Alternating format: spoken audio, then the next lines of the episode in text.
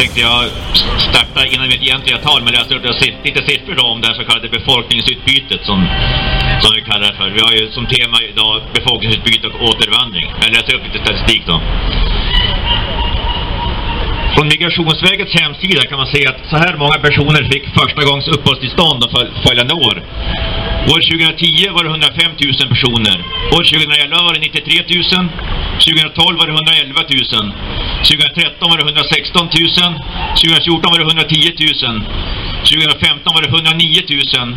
2016 var det 150 000. 2017 var det 135 000 och i fjol var det 132 696 personer. I år fram till, till och med 1 oktober, då var det 89 120 som hade fått första, första gångs uppehållstillstånd. Då ska man lägga till också att de här siffrorna, det handlar bara om människor som inte kommer från länder som inom EU och EES. Alltså människor från Finland, Polen, Norge, Tyskland etc. De räknas inte in. Tittar man på Wikipedia så ser man att 1 januari i år var det 2 543 420 personer som hade utländsk bakgrund.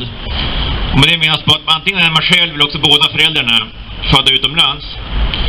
Man kan också titta på antalet personer som antingen är födda utomlands eller åtminstone en utlandsfödd förälder. Det utgör den gruppen 3 311 312 personer. Tredje generationen, alltså barnbarnen till invandrarna, de syns inte i statistiken, de utgör ett okänt antal. Man kan då få ett litet hum om man går in på Statistiska centralbyråns hemsida. Då kan man söka lite grann i deras statistik och hur många som har utländsk bakgrund i olika åldersklasser. Då ser man det att bland de som är äldre än 65 år i Sverige, då är det mindre än 15 procent som har utländsk bakgrund. Detta då jämförelse, jämförelse med exempelvis åldersgruppen 35 till 44 år. Där 33,62 procent, alltså mer än var tredje har utländsk bakgrund. Börjar man titta på yngre barn, då, då, då, då blir det ofta barnbarn som försvinner i statistiken. Det är säkert på dagisarna runt om i landet man ser befolkningsutbytet som tydligast. Man kan också gå och titta på Världsbankens hemsida. Det här är siffror från 2017. På hur många barn som föds per kvinna i olika länder. Då ser man, jag tog några exempel då. Syrien 2,8 barn per kvinna. Egypten 3,4 barn per kvinna. Irak 3,8 barn per kvinna. Afghanistan 4,6 barn per kvinna. Somalia 6,2 barn per kvinna. Genomsnittet för Afrika söder om Sahara, det är 4,8 barn per kvinna. Tittar man istället på Europa, då är det lägre siffror. Tyskland 1,6 barn per kvinna.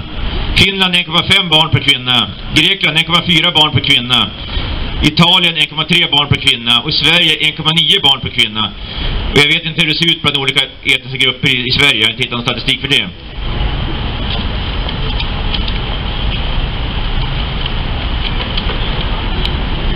Jo, invandringen sker ju också från många olika länder. En del kanske tror att det bara kommer människor från, från Syrien som har flytt från bomberna som föll och sprängdes och så vidare.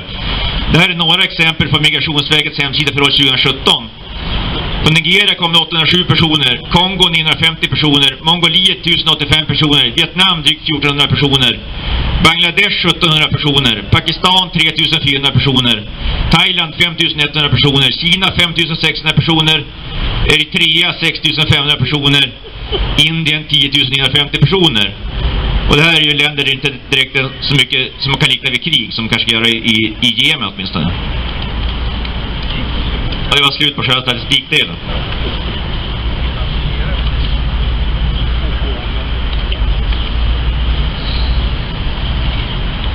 Ja, som sagt, det jag tänkte prata lite grann idag, det handlar om IQ kopplat då till befolkningsutbyte. Det är lite känsligt område, därför måste jag hålla mig ganska nära min, min mall. Jag kan inte fara iväg så mycket. Då är det så att politiskt brukar jag kalla mig själv för folkstamskonservativ. Och det menar jag på att det enda jag egentligen bryr mig om rent politiskt, det är att andel personer i Sverige som är nordisk, åtminstone europeisk härkomst, den ska vara så stor som möjligt. Att arbeta för att den egna etniska gruppen ska utgöra en så stor andel av totalpopulationen som möjligt. Det är den enda ideologiska uppfattningen som är i samklang med evolutionen, som jag ser det. Jag vill att vi ska kunna ha en sak... Jag vill att vi ska kunna ha en saklig och vederhäftig diskussion präglad av ärlighet. Om de skillnader som faktiskt finns mellan olika folkgrupper på det kognitiva och beteendemässiga området som kommer förändra landet i grunden om nuvarande invandringspolitik består. Det finns en del tabun på det här området som förhindrar en fri debatt om det biologiska befolkningsutbytets konsekvenser. Här idag hoppas jag bidra till att flytta det så kallade Overton-fönstret i rätt riktning när det handlar om divergent human evolution. Alltså större kunskaper om skillnaderna mellan olika folkgrupper tror jag skulle kunna bidra till en starkare invandringskritisk opinion också. Jag vill också säga det att även om jag tycker att vi ska lyfta fram biologins betydelse så tar jag avstånd från att gasa, att göra tvål och göra lampskärmar av människor. Jag tar även avstånd från att döda människor med eldgropar, krossningsmaskiner etc. Jag vet att det skulle komma poliser här idag så jag vill ha det sagt. När det handlar om skillnader mellan olika folkgrupper så har jag valt ut två specifika grupper som har erfarenhet av i Sverige. Det finns förstås en massa folkgrupper totalt sett, men jag kan inte hålla ett två timmars tal. Den första gruppen då, genetiska emigranter kallar jag dem för. Polisen har tidigare gjort ett utmärkt arbete med att föra register över brottsbelastade släkter i Sverige. I ett register var 4741 personer registrerade. Polisens utredning slog fast att det var riktigt att upprätta registret och att registret var antirasistiskt eftersom det registrerade, som nästan alla var genetiska emigranter, registreras utifrån sitt beteendemönster och inte utifrån sitt, och inte utifrån sitt DNA. Tyvärr la polisen ner registret och det är svårt att få fram bra statistik om emigranters kriminalitet. I Sveriges Televisions Västerbottensnyheter där förklarades för ett tiotal år sedan att 70% av genetiska emigranter uppe hos oss i norr, de var analfabeter. Det handlar om de emigranter som är födda och uppvuxna i Sverige. Den nedkända journalisten Merit Wager har tidigare skrivit att fullvuxna emigranter i Sverige vill ha konkret och praktisk hjälp som att lära sig läsa en kalender. Alltså, de vill ha konkret och praktisk hjälp som att lära sig läsa en kalender. Tänk dig att du är 35 år gammal och inte har lärt dig det här med datum och veckodagar än. Man kan om inte annat fråga sig hur en sådan människa uppfattar livet. Intelligensforskaren Filip Rushton har forskat på genetiska emigranter i Serbien. Så här skriver han i sammanfattningen av en forskningsrapport. Out of the total of 60 matrices, the Roma solved an average of 29, placing them at the third percentile of 1993 US norms, yielding an IQ equivalent of 70. On the executive function test, the Roma average is about the level of Serbian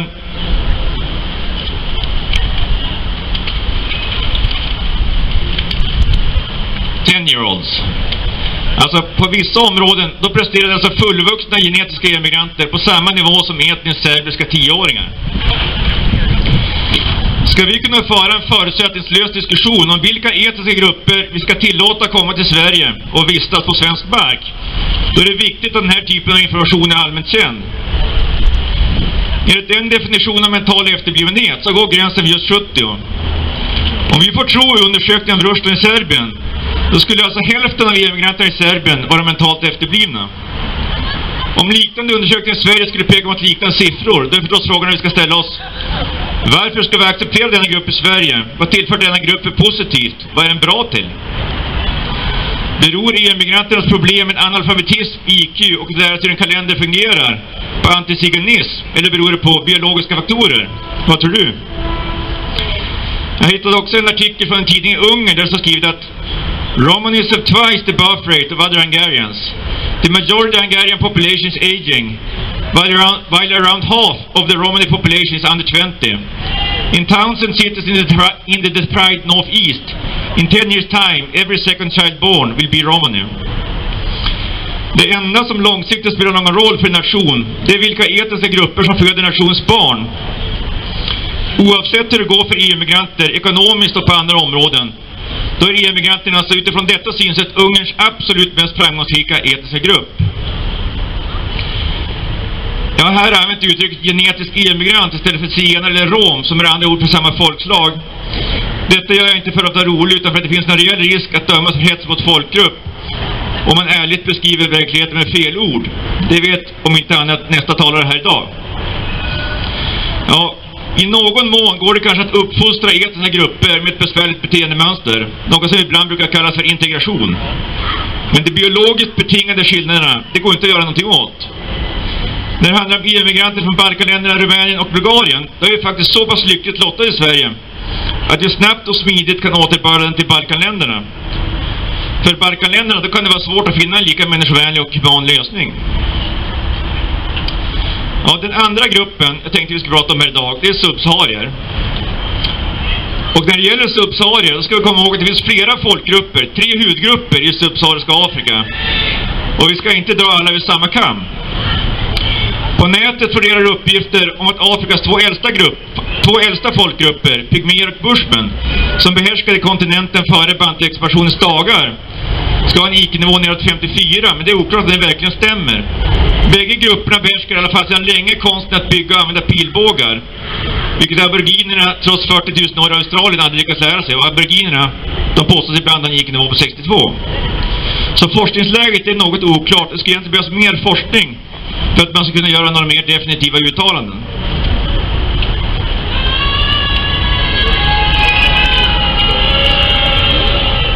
Klart är i alla fall att utifrån publicerade så kallade Cavalli-Sforza-diagram som visar på något som kallas för genetiskt avstånd med hjälp av ett mått som brukar kallas för fixation index. Att den folkgrupp som är närmast besläktade med bushman i Afrika, Där är i Sverige välbekanta somalierna. Det kan alltså enligt forskarna ses som en mer utvecklad form av bushman som har lärt sig att behärska boskapsskötsel. I likhet då med hottentottarna. Jag har bara hittat en IQ-mätning som behandlar Somalia specifikt. Den är från 2017 och det var Richard Lynn och några andra som undersökte 2400 somalier i studien A Study of Sex Differences in Intelligence of, Som of Somali Refugees in Kenya. Det kom fram till att somalierna hade strax under 68 i IQ i genomsnitt. Vad ligger då Subsahara i allmänhet på för IQ-nivå? Ja, googlar man på World IQ Map så får man ett resultat som pekar på omkring 70 IQ i Afrika söder om Sahara. Jag tittade på sidan 137 i den utmärkta boken Race, Evolution and Behavior av Philip Rushbron.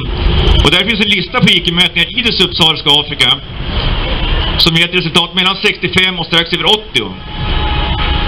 Om vi antar att befolkningen i Afrika, söder om Sahara, skulle ha en IQ-nivå på 70 i genomsnitt, då skulle det i så fall innebära att hälften av subkontinentens befolkning hamnar under den klassiska gränsen för när din IQ är så pass låg att du ska klassas som mentalt efterbliven som går just 70.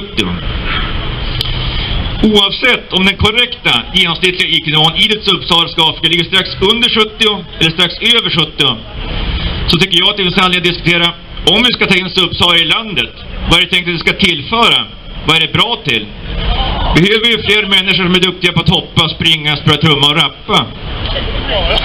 Diskussionen, diskussionen om subsahariens IQ-nivå den skulle ju förstås ha fört väldigt noggrant innan den första subsaharien tilläts bosätta sig i Sverige. Men bättre sent än aldrig. Om vi tänker, om vi tänker oss den somaliska med 70 IQ och en burka. Det är möjligt att det går att övertala henne att ta av sig burkan om man tycker sånt är viktigt. Men vad ska man göra åt IQ-nivån? Det är inte möjligt att genomföra hjärntransplantationer.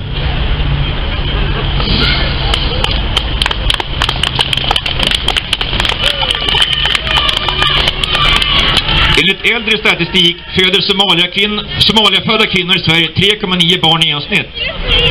Därmed kan man förmodligen klassa dem som den mest framgångsrika gruppen i Sverige. I Somalia, då får Somalia enligt officiella siffror 6,2 barn var. Så somalier i Sverige skaffar något färre barn, det kanske man kan se som något positivt.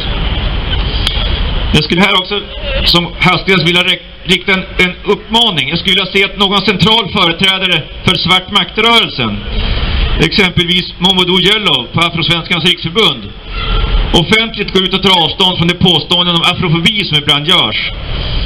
Att beskylla andra etniska grupper för sin egen etniska grupps kognitiva och beteendemässiga tillåterkommanden, det är rasistiskt. Jag hoppas att Afrosvenskans riksförbund kan ta avstånd från denna avskyvärda rasism.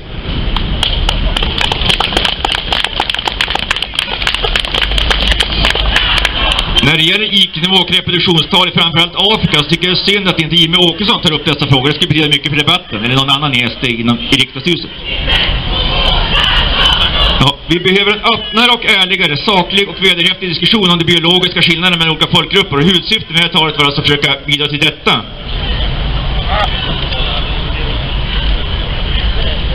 Ja, när, när det handlar om befolkningssammansättningspolitiken i stort då, då skulle jag vilja säga det att, att det är viktigt att fundera på medelbeteendet hos en medlemmar i en viss etnisk grupp innan man avgör om medlemmar i den etniska gruppen ska få uppehålla sig, uppehålla sig i Sverige eller inte. Det nuvarande beteendet hos en enskild individ, det är vetenskapligt mindre relevant.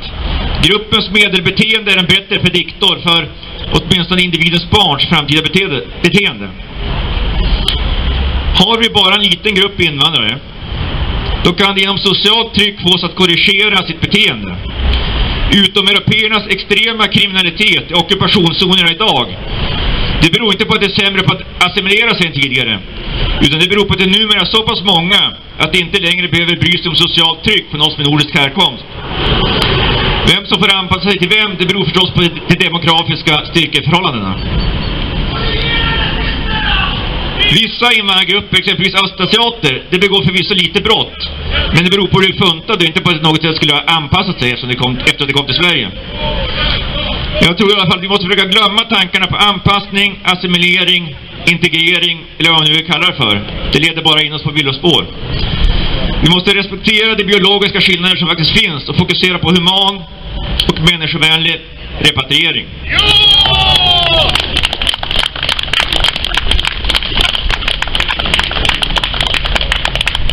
Och när det gäller repatriering ska jag bara kort säga det att Ska vi komma någonstans med repatrieringsdiskussion, då tror jag det är viktigt att inte börja med att diskutera undantag. Min kompis X från Folkrepubliken är så snäll, så han behöver stanna, den här andra bör få stanna och så vidare. Istället bör det frågas om det finns vissa etniska grupper eller nationaliteter som vi bör totalrepatriera. Det är den enda fråga på repatrieringsområdet som jag vill lyfta fram här idag, som jag vill att vi tar med oss.